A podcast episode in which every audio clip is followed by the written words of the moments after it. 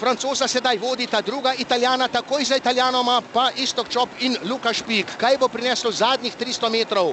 Res fantastična tekma v finalu dvojnih dvojcev in sedaj Istok Čop in Luka Špik prehitevata Italijana. V vodstvu sta Francoza na progi številka 5. Ali bosta Galtarosa in Sartori ostala brez pričakovane zlate kolajne? Torej odličen nastop Viedona in Ardija.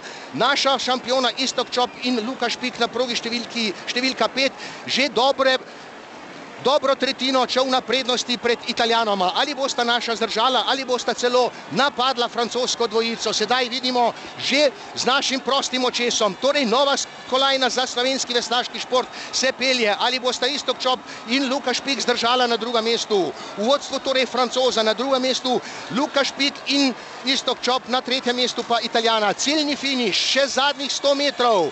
Francoza v vodstvu, Istok Čop in Luka Špik bosta kot kaže osvojila srebr srebrno kolajno. Ali boste odbila napad Italijanov?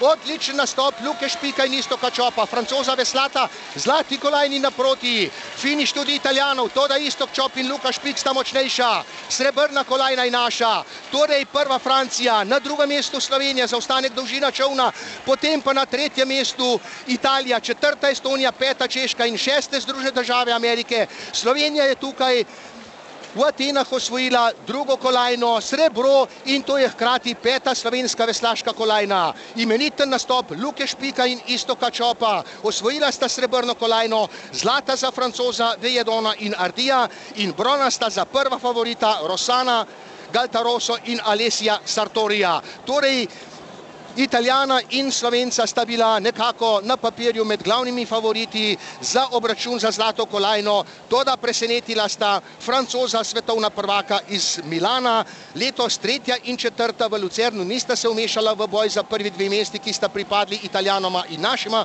veslačema, vendarle Viedon in Ardista tukaj odveslala verjetno najboljšo tekmo sezone in zasluženo postala olimpijska zmagovalca. Torej, spoštovane poslušalke in poslušalci, Istok Čop in Luka Špik na drugem mestu za francozoma in pred italijanoma.